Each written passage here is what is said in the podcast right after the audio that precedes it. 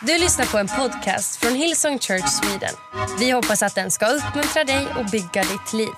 För att få mer information om Hillsong och allt som händer i kyrkan, gå in på hillsong.se. Fantastiskt. Jag pratade med Daniel innan här, han är från Piteå och vi pratade lite om vart Umeå ligger och vart äh, äh, Luleå ligger. Det är sånt man får prata om när Erik inte är med för att han, Eh, allting över Uppsala är bara rörigt för honom. Ah. Men Daniel sa att eh, nej, men det är så 25 mil till Umeå, det är en så här bra eftermiddagsutflykt. Eh, åka till Ikea en eftermiddag fram och tillbaka från Piteå. och jag tänker det är bra, det är, det är bra. Uh, all right, well, vi ska hoppa in i, i dagens tema. Eller i, vi är ju det här temat på nytt. Hur många var här förra veckan? Bara säga från djupt av mitt hjärta hur... Jag jag det en gång till. Om du var här förra veckan, lyft upp din hand. Det är helt otroligt. Alltså tänk vilken potential vi har i vår kyrka.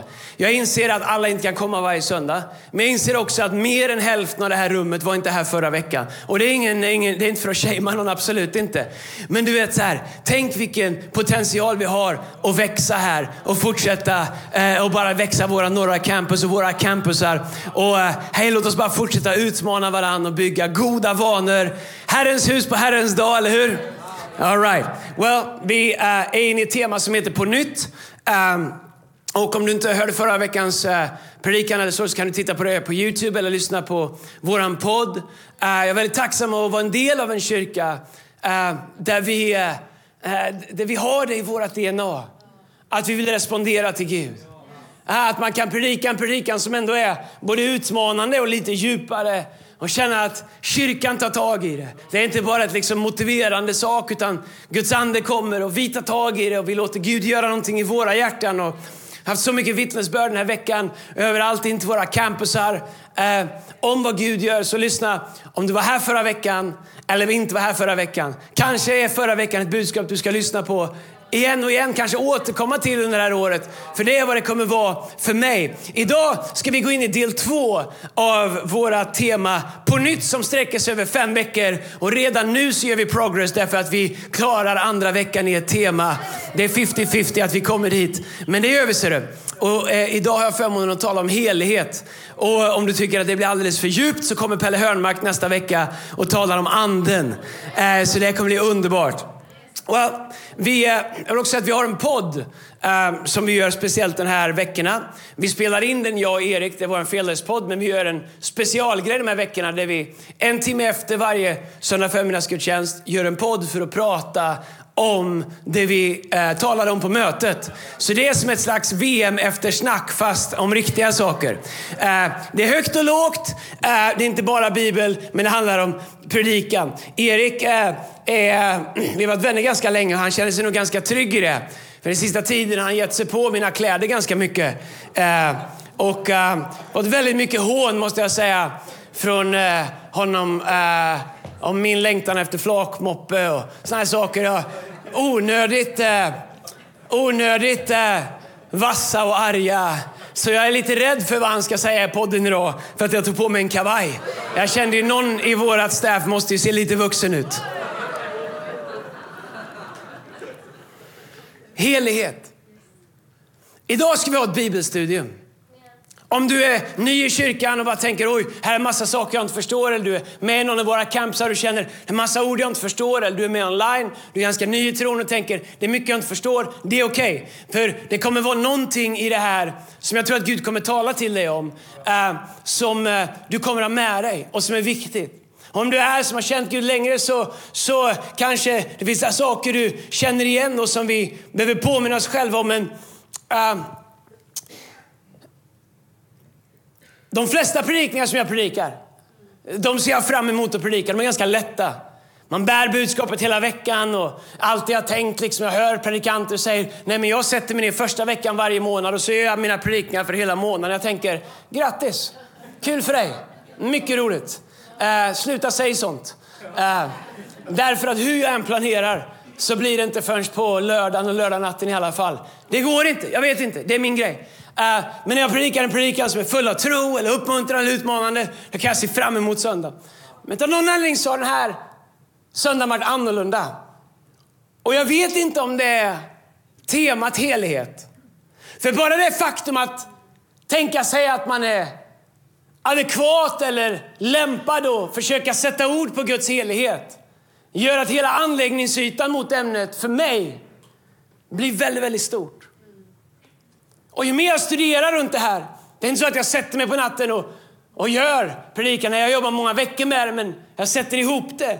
Men ju mer jag studerat det här, och vi är många till våra predikningar som är med och bidrar, så inser jag att det finns en dimension av Gud som jag behöver påminna mig själv om igen.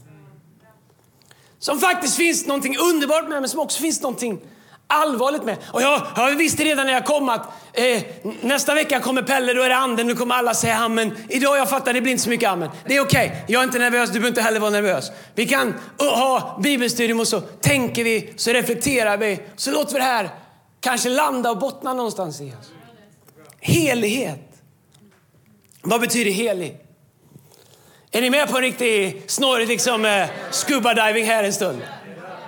Jag vet att Göteborg de är alltid med. Där, förlåt, där kan de Bibeln. Helig, det betyder helgad, dedikerad, olik, som ingen annan. Annorlunda, avskild, av eller för Gud och gudomlig tjänst. Något som är avskilt och därför är annorlunda. Att vara exklusivt Guds. Helighet i våra liv är att vara exklusivt Guds.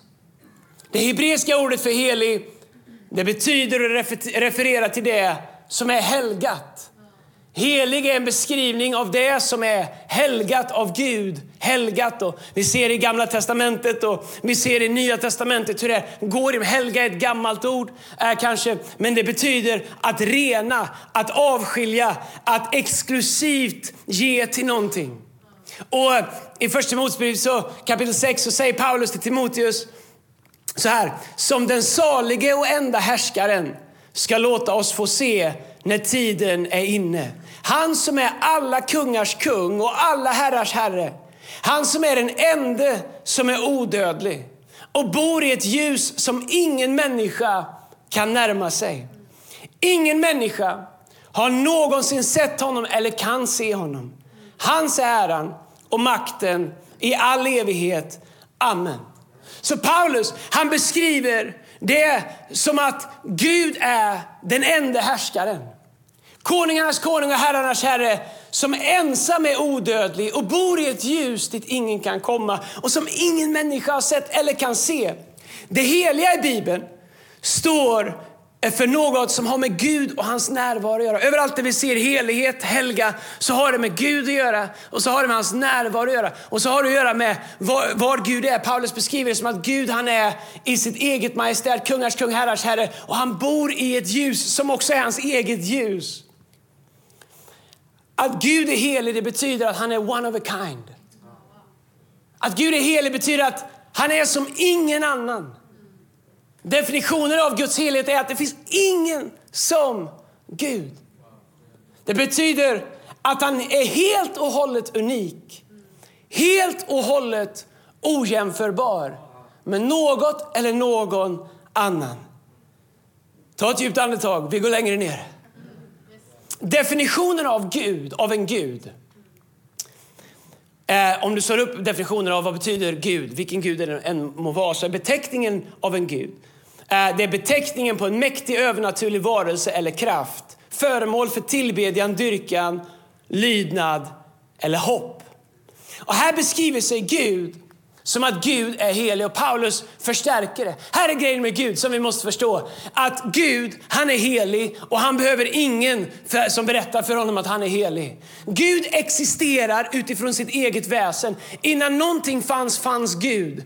Innan han fanns före allt och han finns efter allt. Han existerar inte i tid, han är allestädes närvarande, han är alfa och omega, han är upphöjd, han är som ingen annan, han behöver ingens bekräftelse, han har aldrig en dålig dag, han har aldrig tvivlat på sig själv. Han har aldrig undrat om han verkligen är liksom född till rätt jobb. Han har aldrig undrat om det här var rätt karriärsval för honom. Utan han existerar i helighet utifrån att han är helig och han upprätts av sin egen helighet och sin egen allsmakt och behöver inte våran bekräftelse. Han behöver inte att vi tror på det. Han svajar inte på manschetten för att vi vill göra honom till en bland andra gudar. Utan Gud, han är helig och ren och han är ofelbar och han är allsmäktig och han är över allting. Och så sitter han på tronen, säger Bibeln, i himlen i sin helighet. Eh, och ingen av oss kan komma dit.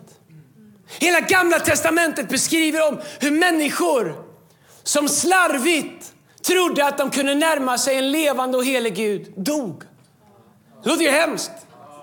Men anledningen var att Jesus ännu inte hade dött så vi var själva ansvariga för våran synd, för våran fel, för vårat kött, för våra, för våra lustar, för våra negativa val, för våran ondska. Vi var själva. Så när vi klev in i Guds närvaro så fick vi nota direkt på våra liv och ingen av oss kunde stå inför en helig Gud. Prästerna som gick in en gång om året in i det allra heligaste, de förberedde sig i ett år. Man knöt ett rep kring det ena deras fot. Ifall de hade syn, hemlig synd i sitt liv så dog de i Guds närvaro. Men ingen ville chansa att gå in och hämta dem. Så man hade knöt ett rep runt foten på dem så man kunde dra ut dem ifall de dog. Det är sant. står det i Bibeln. Men Gud, han är inte bara helig. Han är också tillgänglig. Och vi kan se i skapelseberättelsen hur Gud och Adam och Eva levde i relation med varandra. Det står att Gud och Adam och Eva att de vandrade tillsammans. Att de samtalade med varandra. Att Gud skapade oss, inte för att han skulle ha några som var lägre än sig själv, som aldrig kunde komma till honom. Han skapade oss för att han i sin perfektion, i sin helhet, ville ha gemenskap med oss.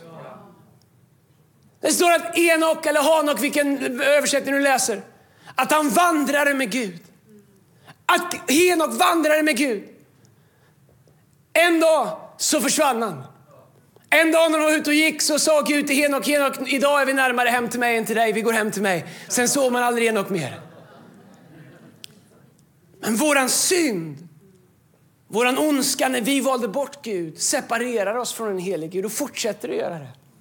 Men Gud i sin kärlek ser ner på människan och inser att det behövs någonting som kan försona världens synd så att en syndig mänsklighet full av alla våra begär och ondska ska kunna få tillträde till en helig Gud. Så det underbara med Gud är att han är både helig, men han är också tillgänglig. Vi kan se hans helhet och bäva, men vi behöver aldrig vara rädda. Bibeln säger att fruktan bor inte i kärleken. Gud, han är helig. Men Gud har, han är tillgänglig. Men Gud har även preferenser. Gud har sätt som han vill bli tillbedd på. Gud har sätt som han vill bli approachad på. Man kan tänka, vem tror att han är? Han är den som har skapat dig. Han är den som har skapat världen du bor på. Han är den som gör att solen går upp på morgonen. Han är den som gör att planeterna eh, snurrar. Han är den som håller universum i sin hand. Han är allsmäktig och han har rätt att definiera sig själv. Och han har rätt att definiera hur han vill bli tillbedd, hur han vill bli efterföljd, hur han vill bli approachad. Inte för att han är maktfullkomlig, men det är rimligt utifrån vem han är. Ändå så gjorde han det möjligt för oss att ha relation med honom. Så Gud har preferenser. Därför och här är vart det blir krångligt för oss människor. Hoppas du är med fortfarande. Eh, men men jag, jag, vet att jag har Ås med mig i Göteborg i alla fall. Eh, men eh, här är grejen. Gud, han har preferenser, men här är grejen. Gud definierar sig själv. Så om jag ska söka Gud, om jag ska ha en relation med Gud, då måste jag acceptera att Gud definierar sig själv. Om jag vill definiera Gud så har jag redan gjort våld på vem han är. Vi måste acceptera att Gud definierar sig själv. Vi måste förhålla oss till honom. Det kommer bra grejer och punkt, kanske inga punkter, men det blir, ni vet vad det är. Bruk... Men jag kan inte prata slarvigt om Guds helhet utan att ge oss en kontext. För jag tror, när jag har studerat det här så har det gett mig revelation och det slutar i ett enda stort tack Jesus. För att du gjorde det möjligt för mig att komma inför en helig Gud. Så Gud han existerar av sig själv, han definierar sig själv. Han sitter på tronen så alla som ser honom, vi kan inte se honom, men, men änglarna och eh, de 24 äldste och keruberna och seraferna. Du kan läsa om det i Uppenbarelseboken, spännande, det är bättre än Hunger Games. Du kan läsa om det. Och varje gång de ser Gud så kastar de sig på marken igen och ropar helig, helig, helig är Herren Sebot. Inte för att han har skapat robotar, men det är deras respons till det de ser. Därför att Gud han existerar i helighet och han definierar sig själv. I Hebreerbrevet 11 och 6 så står det utan tro är det omöjligt att behaga Gud. Den som vill komma till honom måste ju tro att han finns och att han belönar den som söker honom. Så eh, Paulus, eller Lukas eller Petrus, vem du nu tror har skrivit Hebreerbrevet, eh, säger att det, det, det, den som vill komma till honom måste ju tro att han finns. Eh, om du studerar, slår upp och, och grottar ner i tro att han finns så är det inte bara, men jag tror att han finns. Nej, inte bara att han finns, utan man måste tro att han är den han själv definierar sig som. Så om jag vill söka Gud så måste jag göra det på villkoren av, eller på grunden av, eller på förutsättningarna av att jag söker en Gud som jag inte definierar, utan jag söker en Gud som definierar sig själv.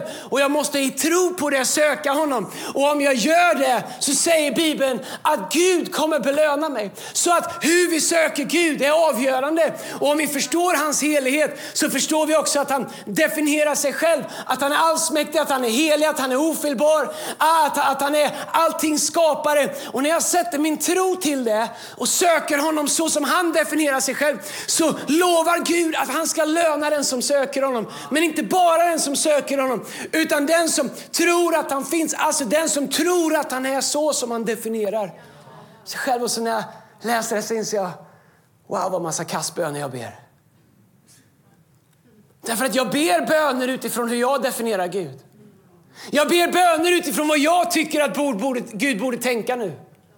Jag ber böner utifrån vad jag tycker att Gud borde förstå. Så jag vill definiera Gud. Jag vill hjälpa honom att bli lite mer kompatibel till mina problem. Och redan där har jag missat. Att tro att han finns till, eller söka honom som han definierar sig själv. Redan där har jag tappat det viktigaste för att få lön när jag söker honom, nämligen att jag måste söka honom som han definierar sig själv. Men om det är sant, då är det ju superviktigt att verkligen ta reda på vem Gud är. Att vi förstår vem han är, hur han existerar, hur vi kan approacha honom. För att om vi förstår det, då säger Bibeln, nu finns det ingenting som hindrar oss.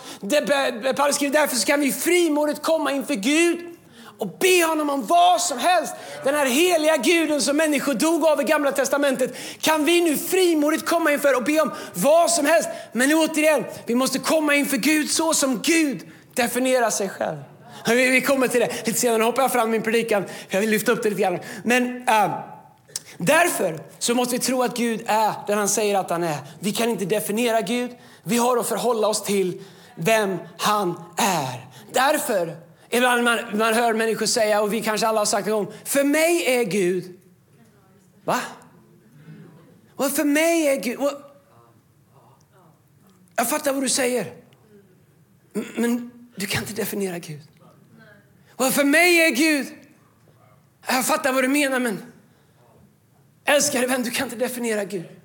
du kanske har sett en sida av honom och det är hur du relaterar till honom. Och det är okej, okay, jag förstår det, men i en värld där vi alltid vill göra allting så litet så att vi själva kan definiera det så finns en risk att vi missar det Jesus gjorde som har gett oss tillträde till Fadern därför att vi vill göra Gud till någonting som han aldrig har gjort sig själv till. Eller vi vill göra honom till mindre. Eller vi vill skala bort delar av honom som vi inte gillar eller förstår. Och så väljer vi ut en del av Gud som vi gillar eller förstår och så söker vi honom som att han bara vore det.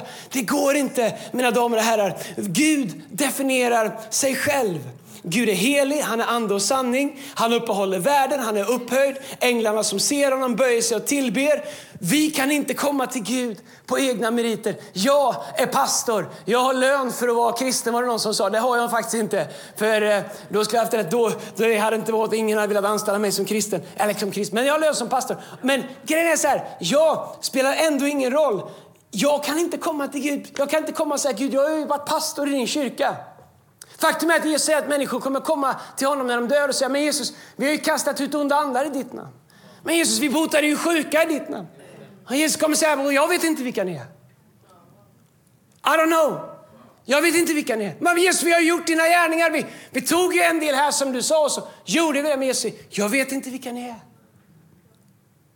Därför att vi kan inte komma inför Gud på egna meriter. Och uppenbarelsen om det är vägen in i det allra heligaste tillsammans med Gud. Han är så helig att vi skulle förgås i närvaron på grund av vår kötslighet. Kung Ussia i Jesaja kapitel 6, eh, när, när Jesaja säger det år kung Ussia dog såg jag Herren jag predikade om det i höstas. Kung Ussia, han kallas för högmodets kung. Han var kung, han tänkte jag är kung, jag gör vad jag vill, jag har inga begränsningar. Han säger varför ska bara överste prästen gå in och offra till Gud och, och tillbe Gud i det allra heligaste. Jag är kung, jag gör vad han vill. Och så gick han in där själv fast han inte hade rätt att göra det. Därför att han var inte kallad till det, det var inte, han var inte smord till det och så fick han betala för det. Så att han tänkte jag kommer till Gud och han ska vara glad att jag kommer. På grund av vem jag är, tänkte kung Ussia, så borde Gud förhålla sig säger så här till mig. Men damer herre, Gud älskar dig så mycket. Men han förhåller sig inte till dig på grund av vem du är eller på grund av vad du har gjort eller gett eller vart eller bett. Han förhåller sig till sig själv utifrån vem han är. Och han erbjuder oss att förhålla oss till honom. Och han har kopplat så många välsignelser, så många löften, så mycket av hans närvaro, så mycket av förbund till det faktum att när vi förstår vem Gud är och söker honom så som han definierar sig själv, så som han är, så finns det ingenting som står mellan oss och det heligaste och det mäktigaste och det starkaste och det mest suveräna som finns i hela universum, i allt som existerar. Så vi måste, kan inte komma på egna meriter. Ändå älskar han oss så mycket att han sände Jesus, sin enda son, och såg sin son dö för att vi skulle kunna ha en relation med en helig Gud. Han ger sin egen son. Det var därför han gjorde det. För att vi kunde inte komma. Och vi kan fortfarande inte komma. Vi kunde inte komma på grund av gärningar då, vi kan inte komma på grund av gärningar nu. Det fanns ingen kristen kvot att fylla då, det finns ingen kristen kvot att fylla. Det finns bara en sak som förenar oss allihopa. Alla av oss är rökta. Alla av oss är körda. Om det inte vore för Jesus. Därför när vi samlas under hans namn, och det är det som är så fantastiskt med kyrkan. Det spelar ingen roll om du tycker att ditt liv är så messed up. Eller att du tycker att du är den bästa kristna som finns. Vi har samma behov av Jesus. Och när vi samlas så samlas vi inte under en logga, vi samlas inte under en strategi, vi samlas inte under en idé. Vi samlas under ett namn och med vetskapen om att utan det namnet Jesus så är vi lika körda allihopa. Jag är inte bättre än den värsta syndaren och den värsta syndaren har inte sämre chanser än mig. Kanske är jag till och med den värsta syndaren. Kanske är det den som tror att någon annan är den värsta syndaren som verkligen är den värsta syndaren. För högmodet säger Bibeln är den största synden av alla. Största synden. Högmod är att jag tror att nu har jag ju ändå förtjänat. Vet du, jag är lika ohjälpligt oförmögen att ta mig in i hans helhet nu. På mina egna meriter som jag var första gången. Men på grund av vad Jesus gjorde. På grund av att Gud i sin ofelbarhet att hans hjärta brister för oss för att vi var skapade till relation med honom så väljer han att ge sin son. Han ser hans son dö. Han hör hans son säga min far, min far, varför har du övergivit mig? Hans son är separerad från sin far och Gud ser det. Och han vet att om det här bara sker så kommer det genom Jesus Kristus, den fullkomliga betalningen för allt som står i vägen mellan oss och Guds helhet vara undanröjd. Och nu kan vi genom Jesus Kristus och tron på honom få komma till en helig. Du vet, även när jag var avfällig, vad det, vad det nu än säger, jag vet inte var gränsen går, vem som drar den.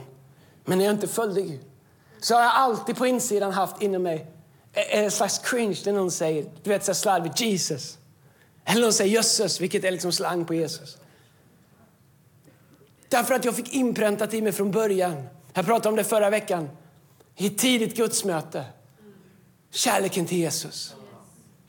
Jag kunde inte ens svära. Försökte ibland, lät skittöntigt. Jag kunde inte ens svära bra. Vad kändes fel att säga det? Och om vi devalverar vem Jesus är till att han är, han är en krycka, han är hjälparen, en herde, han klappar mig, han öppnar någon dörr. Jag, Han är den som gav sitt liv. Så du och jag har access till allt vad Gud är. Efesierbrevet säger att vi har nu tillgång till all den himmelska världens andliga välsignelser genom tron på Kristus Jesus. Allt det här som Gud är har du tillgång till. Du kan komma inför en helig Gud utan rädsla, utan skam. Med dina fel och brister och veta att det Jesus gjorde, det täcker dig så att du är ren inför tronen. Och så säger Bibeln så som Jesus säger inför Fadern, så är vi i den här världen. Min rättfärdighet som jag har är inte byggd på mina meriter. Den är inte byggd på hur bra eller dålig min prestation är när jag försöker göra rätt saker. Den är byggd på det faktum att hur hårt jag än jobbade så räckte det inte till. Men Jesus Kristus genom sin nåd, han tog min plats. Han sa Andreas kommer aldrig få till det. Han kommer aldrig få ordning på sitt kött. Han kommer aldrig bli så helig så att han kan komma inför min heliga far. Men låt mig ta hans straff och, och, och, och mitt uppdrag resten av mitt liv det är att leva värdigt av det som Jesus gjorde. Men också inte försumma möjligheten att umgås med en helig Gud, med hans heliga närvaro, med hans heliga allsmäktiga kallelse och uppdrag. När nu Jesus offrade allt för att jag ska kunna leva det. Bibeln säger it's in Christ we find out who we're living for i Efesierbrevet kapitel 1 och 12. It's in Christ we find out who we are and what we're living for. Det är endast när vi kliver in i det Kristus gjorde för oss som vi verkligen förstår vilka vi är och varför vi lever. För bara han som har skapat oss, som definierar sig själv, kan verkligen definiera oss. Så säger först Johannes kapitel 4, så här, vers 9. Så uppenbaras Guds kärlek bland oss. Han sände sin egen son till världen för att vi skulle få liv genom honom. Detta är kärleken. Inte att vi älskade Gud, utan att Gud, att han älskade oss och sände sin son som försoningsoffer för våra synder. Det stora med kärleken är inte att vi älskar honom. Inte ens att vi älskar honom nu. Det riktigt stora är att han älskar oss. Och han sände sin son som ett försoningsoffer för oss. Andreas, det här är ju super basic. Och vet vad jag upptäckte i mitt liv? Det är de basic grejerna där det snurrar ihop sig. Hela tiden. Som jag behöver påminna mig själv om för att kunna kalibrera mitt liv. Så Gud är full av kärlek och nåd, men han är helig. Och vi kan inte komma som vi vill eller förhålla oss som vi vill. Vi kommer av nåd. Vi kan komma i frimodighet, men vi kommer på hans villkor. Du vet, så här, ta det här rätt. Och, och, och jag, jag, tänker inte på det, jag lovar att jag inte gör det. Men ibland ska jag tänka när vi sjunger lovsång. Och så tittar jag på texterna. Jag sa till Erik igår när vi mässade vi ska sjunga en ny sång. Se till att ni verkligen tänker på vad det är ni sjunger. För att det är jättestora ord som vi säger. Vissa sånger som vi sjunger det har så stora ord, så stora bekännelser. Alltså det värde som vi ger till Gud, det beskrivningar vi gör om Gud. Och så tänker jag ibland att jag står och sjunger det och kollar på något meddelande på klockan och tuggar lite tuggummi och tänker lite på sen. När jag står här, jag behöver inte förbereda mig ett år som prästerna gjorde för att inte, för att inte dö i hans närvaro utan jag kan frimodigt komma och gå på grund av vad Jesus gjorde. Men den Gud jag kommer inför är inte mindre helig nu än vad han var då. Och det utmanar mig själv att när vi sjunger lovsång, vare sig du gillar låtarna, eller du tycker det är för lågt, eller för högt, eller för många eller för korta. Det spelar ingen roll. Vår lovsång bottnar i att vi av tacksamhet förstår att vi kan nu komma inför Gud.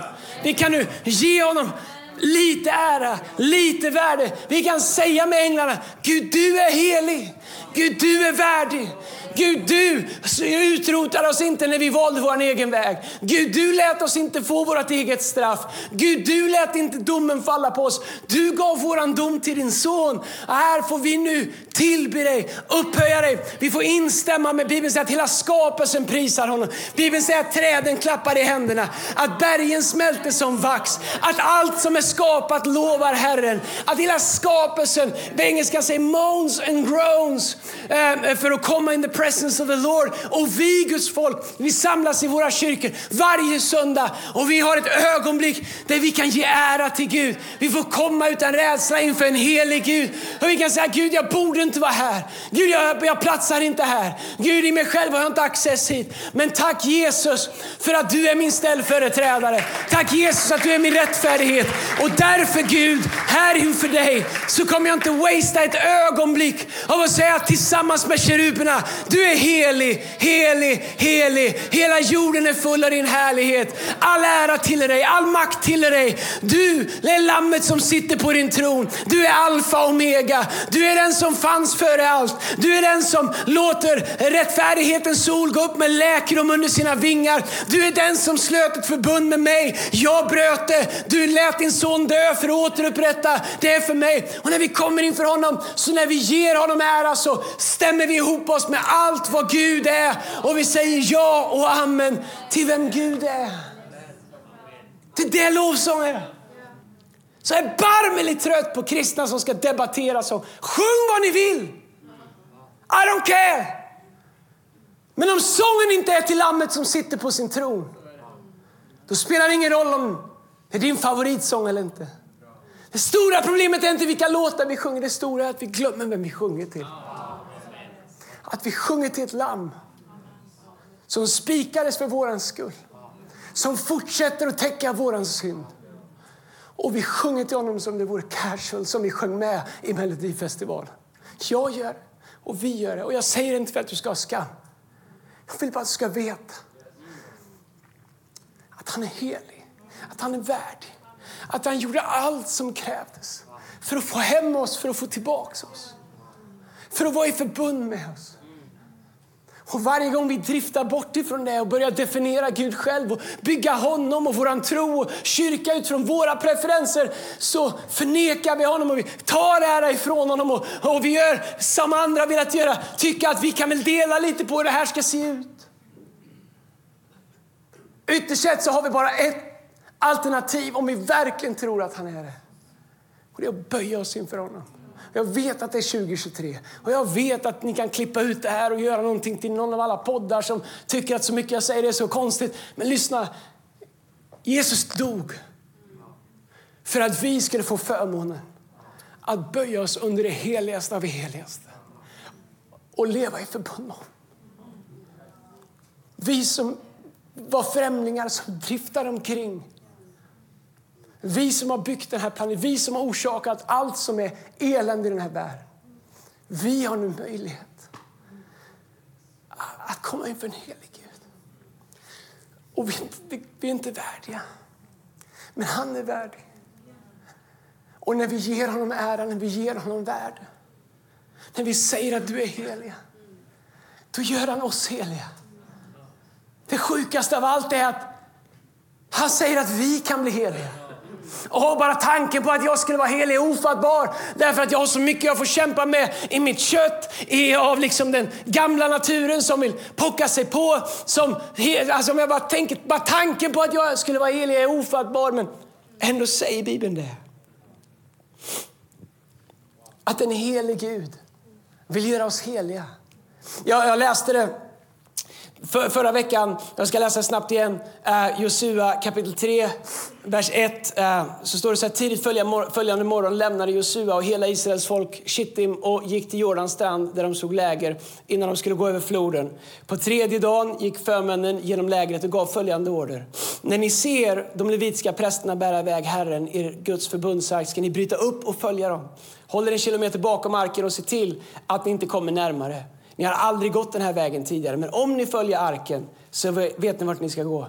Sen sa, jag ber ursäkt. Sen sa Jesus till folket, rena er, för imorgon ska Herren göra under mitt ibland er. Helga er, samma ord, rena er. Helga, det betyder att avskilja. Helga betyder att överlämna. Helga betyder att ge, att ge ifrån sig, att ge upp eller avskilt för gudomlig tjänst. Andra definitioner på helga är ren, upprättad, fri från synd.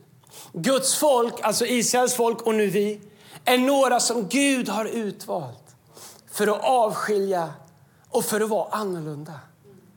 Så Gud har utvalt oss och han vill helga oss. Han vill avskilja oss. Han vill att vi ska vara i världen men inte som världen. Han vill få göra någonting på djupet i våra liv så att vi, vi är inte bättre än andra men vi är, vi är annorlunda på grund av vad Gud har gjort, våran uppenbarelse om hans helighet har fått oss att förstå att Gud vill göra oss lika honom. Han vill att vi ska spegla honom så att världen kan se vem han är. Och han vill helga oss, han vill ha oss för sig själva. Han kallar oss ut ur vårt sätt att leva som vi gjorde tidigare. Han kallar oss ut ur världens sätt att tänka. Inte bort ifrån den, inte konstiga. Men han säger ni tillhör ett annat rike. Kom var här och låt mig göra er till det som det var tänkt att ni skulle vara från början. Ett avskilt gudomligt folk för en avskild gudomlig tjänst, rena, upprättade och fria ifrån synd. Att helga, det är att göra helig, avskilja, rena, att behandla som helig. Och här är grejen med att Gud vill göra oss helig, att Gud vill helga oss, att Gud vill göra oss heliga. Jag är på väg någonstans. Helgelsen är både passiv och aktiv. Helgelsen är passiv därför att vi låter Gud göra det. Lyssna, jag kan inte förvandla mig själv. Alltså religion säger att all press är på dig. Religion säger gör bättre, skärp dig, läs mer, be mer, gör mer, gör mer, gör mer. Du kan inte helga dig själv. Gud gör det. När vi ger honom tillåtelse och tillgång, när vi överlämnar oss till honom, då helgar Gud oss. Men den är också aktiv i det att vi tar ett beslut om att vi vill bli mer lika Gud. Att vi avskiljer och överlämnar oss till Gud för att forma oss så som han vill. Så helgelsen är aktiv, vi överlämnar oss till Gud. Och den är passiv. När vi har gjort det så är det Gud som gör det. Hur lång tid tar det? Vad tar det hela livet? Och det är lite som vad heter den där eh, låten Det går hit, det går dit, det går runt ett litet, en bit. Jag, jag vet, gammal referens. Erik kommer mobba mig nu igen. Eh, och den startar på ett kick, det är en makalös maskin. Det, det tar hela livet. Men det stora problemet är inte om Gud kan fortsätta jobba med oss. Det stora problemet är om vi vill fortsätta vara överlämnade till honom. Eller om vi förhandlar om det och tar det fram och tillbaks. Du förstår, Gud kan bara göra det i våra liv som vi helgar åt honom. Gud, lyssna, Gud kan bara välsigna dig i ditt liv som du helgar åt honom, som du ger till honom. Spelar ingen roll vilket område det är. Det är vad Bibeln säger. Helga er, för imorgon ska jag göra under. Helgelse kommer först, underna kommer sen. Din ekonomi, om du inte har gett den till Gud, han kommer inte kunna välsigna den som han har tänkt. Ditt äktenskap, om du inte följer Guds principer och lever i det som Gud har tänkt, han kommer inte kunna välsigna dig. I din karriär, om du lever på ett sätt där du kompromissar med din integritet, med det som är sant, med det som är rättfärdigt, han kommer inte kunna välsigna det. Men allt som vi överlämnar åt Gud, allt som vi ger till Gud och säger Gud, gör vad du vet vad som är bäst med det Gud, jag ger det här till dig. Det säger Bibeln att han helgar och det han helgar, det välsignar han. Därför så vill fienden inte att vi ska överlämna saker till Gud så han kan helga det. Därför att han vet att då blir det området i våra liv välsignade. Och varje liten del av våra liv som vi kompromissar med ger vi fienden en möjlighet att hindra Guds intention att välsigna oss på. Därför så är verklig frihet bara när vi fullt ut överlämnar till Gud. Och det är inget hot, det är ett enormt erbjudande. Första Petrus kapitel 1, vers 15 står det så här. Liksom han har kallat er helig så ska ni också leva ett alltigenom heligt liv. Det står ju skrivet, ni ska vara heliga för jag är helig. Första Thessalonikerbrevet 4, 7 står det. Gud har ju inte kallat oss till att leva i orenhet utan att leva i helighet. Den som förkastar detta gör inte det mot människor utan mot Gud som ger er sin heliga ande. Johannes eh, evangelium kapitel 17, vers 17 står det. Helga dem i sanning. Ditt ord är sanning så Guds ord helgar oss. All right, well, hur gör jag det här? Låt oss runda av det här. Ni som ska köra alla mina powerpoints, eller powerpoints som vi inte haft på länge, men ni som kör det där, var inte nervösa att jag börjar skippa grejer här nu. Uh, vad betyder det här? Vad gör vi med det här? Nu låter jag som Tobias Gard, han är så, uh, han är så uh, pedagogisk. Vad ska jag göra med det här? Jag är glad att du frågar, hade Tobias sagt.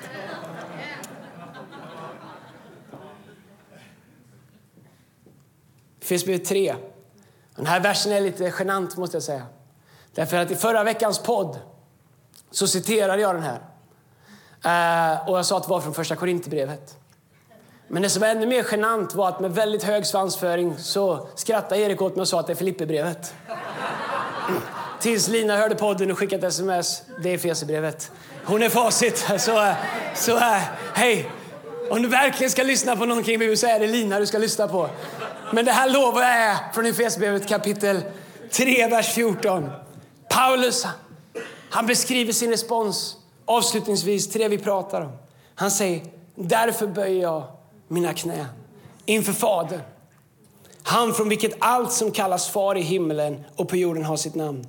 Jag ber att han i sin härlighetsrikedom ska ge er kraft och styrka åt er inre människa genom sin ande. Att Kristus genom tron ska bo i era hjärtan och att ni ska bli rotade och grundade i kärleken. Då ska ni, när, vad börjar med? Att böja sina knän. Då ska ni tillsammans med alla de heliga kunna fatta bredden, längden, höjden och djupet och lära känna Kristi kärlek som går långt bortom all kunskap. Så ska ni bli helt uppfyllda av all fullhet. Så Paulus han säger därför böjer jag mina knän. När jag läste det eh, i förberedelsen igen så inser jag att Paulus säger därför böjer jag mina knän. Jag inser att Gud kommer aldrig böja mina knän. Det är någonting som jag väljer att göra. Han kommer aldrig kröka min rygg eller tvinga mig på knä. Han älskar mig för mycket. Han älskar dig för mycket. Han har för mycket respekt för dig. Han är ingen, han är ingen diktator som kräver tillbedjan, som kräver blind lydnad. Utan han är någon som har ett erbjudande till dem som väljer att böja sig inför honom. Därför böjer jag mina knän, säger Paulus. Jag vill böja mig under något. Jag vill tjäna någon. Jag vill ledas av någon. Jag vill formas av någon. Alla av oss vi böjer oss under någon eller något. Om jag inte vill ha en högre auktoritet i mitt liv, då måste jag böja mig, då måste jag tjäna och ledas och formas av mig själv. När jag har gjort det i mitt liv, då har det blivit katastrof. Därför är det mycket bättre för mig att böja mig inför Gud. Du vet, äh, äh, i äh, Andra Mosebok kapitel 20, vers 3 så står det så här. Du ska inte ha andra gudar vid sidan av mig. Jag har läst det så många gånger och tänkt liksom på guldkalven. Jag har tänkt på liksom, du vet, så stora gudar som är byggda av män och kvinnor genom alla år. Jag har tänkt sådana har jag inte. Men när jag läser igen så inser jag vad Gud säger. Han säger inte du ska inte ha några gudar istället för mig. Det är inte det han säger. Han säger du ska inga andra gudar ha bredvid mig eller vid sidan av mig. Tillsammans med mig. Och jag inser att de flesta av oss som är kristna vi tillber inte Allah, vi tillber inte stenar, och, eller inte den här kyrkan i alla fall. Vi tillber inte liksom massa olika saker. Det är inte det som är grejen. Men jag inser när jag läser det och börjar reflektera. Vet du vad, jag har saker lite nu och då som poppar upp och blir så viktiga för mig. Att de blir en Gud vid sidan av. Att det blir som en Gud bredvid. Och hur lätt är det inte att Guds välsignelser blir en Gud bredvid? Jag hinner inte tjäna Gud för jag har så mycket att ta hand om. Jag hinner inte äh, äh, läsa min bibel för jag är så välsignad, för jag har så mycket jobb att göra så jag hinner inte connecta med han som är ordet. Och helt plötsligt det som var en välsignelse riskerar att bli en Gud bredvid den enda guden. Men Gud kommer aldrig över tid acceptera att vara en bland många. Han är glasklar. Han säger att jag är antingen Gud eller så inte Gud. Därför så tror jag att det är viktigt för våra hjärtan att som David säger Gud, search my heart. That it may be pleasing to you. Gud, rannsaka mitt hjärta. Search my heart. Jag inser att det inte är de stora grejerna som poppar upp och aspirerar att bli en Gud bredvid. Utan det är de små grejerna som får ta plats. Ibland till och med hos mig. Attityder, åsikter, beteenden. Saker jag har rätt att tycka, tänka och säga som är inte är i linje med Guds ord. Så blir det en Gud bredvid i mitt liv. Jag och min stora trut. Men Gud säger, ha inga andra gudar bredvid mig. Vet, Israels folk de byggde en guldkalv när Mose var uppe på berget. Därför att de ville ha en Gud som de själva hade gjort. De ville ha en Gud som gick att ta på. De ville ha en Gud som de ändå kunde säga att den här har vi ändå gjort. Och det är liksom vår utmaning hela tiden att vi vill ha en Gud där vi säger den här kan jag lita på, den här har jag gjort, den här förstår jag hur den är konstruerad. Den här, vi vill så gärna, vi kanske inte gjuter guldkalvar men vi vill så gärna byta ut det som vi måste böja oss under mot någonting som vi själva har byggt. Och det sker igen och igen och vi märker inte alltid. Så hur ska vi leva helgade liv? Well, att böja sig under Gud, det är att välja ett liv där vi säger Gud, jag vill leva ett heligt liv avskilt till dig. Jag vill inte ha synd i mitt liv, jag vill inte ha hemliga rum, jag vill inte göra saker som jag vet inte behagar dig. Och så allihopa av oss, vi har någon form, nu blir det illustrerat. Det finns alltid, no Oj, nej. Eh, det finns alltid några som behöver det här för att förstå. Eh.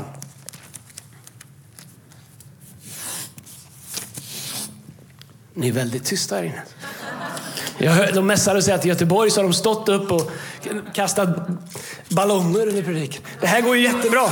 Så här ser det inte alls ut i mitt huvud när jag... Erik sa, vill du testa det innan? Jag sa, nej, nej, nej, det behövs inte. Men man har köpt sån här billig tejp.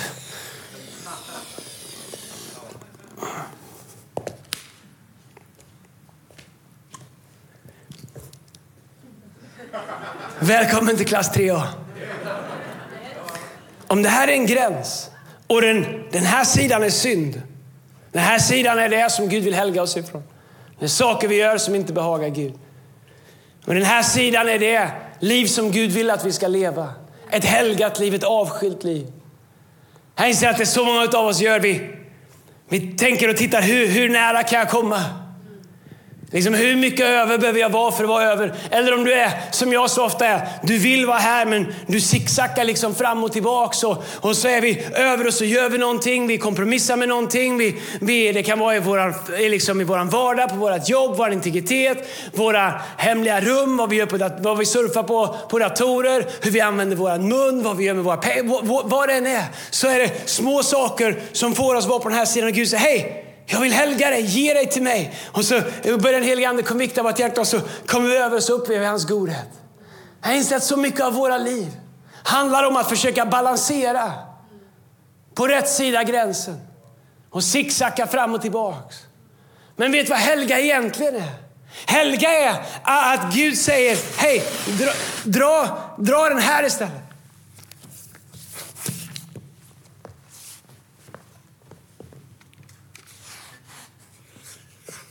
Samarbeta i Jesu namn.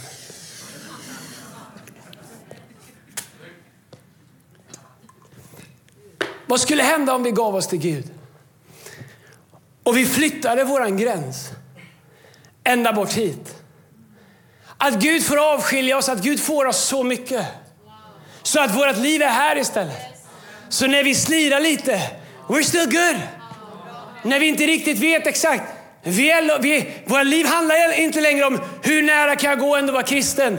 Vad får man göra? Har, herre, du vet, samma sak som djävulen alltid har sagt. Har Gud verkligen sagt? Det var det ormen sa till kvinnan. Skulle Gud verkligen mena? Och så går vi balansgång på den linjen. Men tänk om vi bara skulle ge oss till Gud och säga Gud, du gav allt till mig. Jag ska flytta gränsen för standarden i mitt liv i relation till att jag nu får leva med en helig Gud. Jag ska flytta den hit. Så när jag sicksackar och när livet svajar jag säga långt borta ifrån det som vill ta mig bort ifrån det liv som Gud har skapat för mig. Och jag kan fortsätta att leva ett heligt liv där Gud kan välsigna mig. Kom låstid kan komma upp. Jag ska be. Det är ingen inbjudan här framme idag. Det här är ett annat möte. Jag vill att du ska låta den heliga Ande fastna i ditt hjärta. Att du ska ta med dig det hem och låta det få växa i ditt liv. Men jag vill också predika den här predikan för jag vill göra lite av en programförklaring för vår kyrka. Att vi är en kyrka full av människor som inte har vad som krävs för att ha en relation med en helig Gud. Eller ens ha ett uppdrag från en helig Gud. Men det betyder inte att vi gör Gud mindre helig. Det betyder att vi kastar oss på Jesus som är fullkomnaren av allt det som vi inte är. Jag vill det här året att vi skulle leva våra liv, att vi skulle bygga vår kyrka med ny vördnad och tacksamhet till hans helighet, till hans majestät. Även nu i våra rum, Göteborg, och Södra och City, och Jönköping och Örebro och här, att vi känner Guds närvaro. Att han väljer att besöka våra rum med sin närvaro. Det är ofattbart. Ändå ser han in i alla våra liv och säger jag älskar er. På grund av vad Jesus har gjort så är jag här med min närvaro. Så säger Ordsboken 29, vers 18. Utan uppenbarelse blir folket förvildat men lycklig är den som håller lagen. Engelska översättningen mycket bättre. Uh, Proverbs 29:18. Where there is no revelation, people cast off restraints. But blessed is the one who heeds wisdom's instruction. Engelska översättningen säger där det inte finns någon uppenbarelse, där kastar människor bort gränserna. Cast off restraints, det som håller oss tillbaks från att göra det vi inte borde göra. Vet du, det som kommer göra dig mer lik Gud är inte lag, det är inte skam, det är inte synd. Det är uppenbarelse om vem han är, hur god han är, hur mycket han älskar dig. Vad han har gjort för att få ha relation med dig och med oss och med vår kyrka. Jag ska sjunga lovsången när vi avslutar. Men låt oss be. Fader, jag tackar dig. Gud, jag vet inte ens hur jag ska avsluta det här därför att det känns futtigt att beskriva dig, Herre.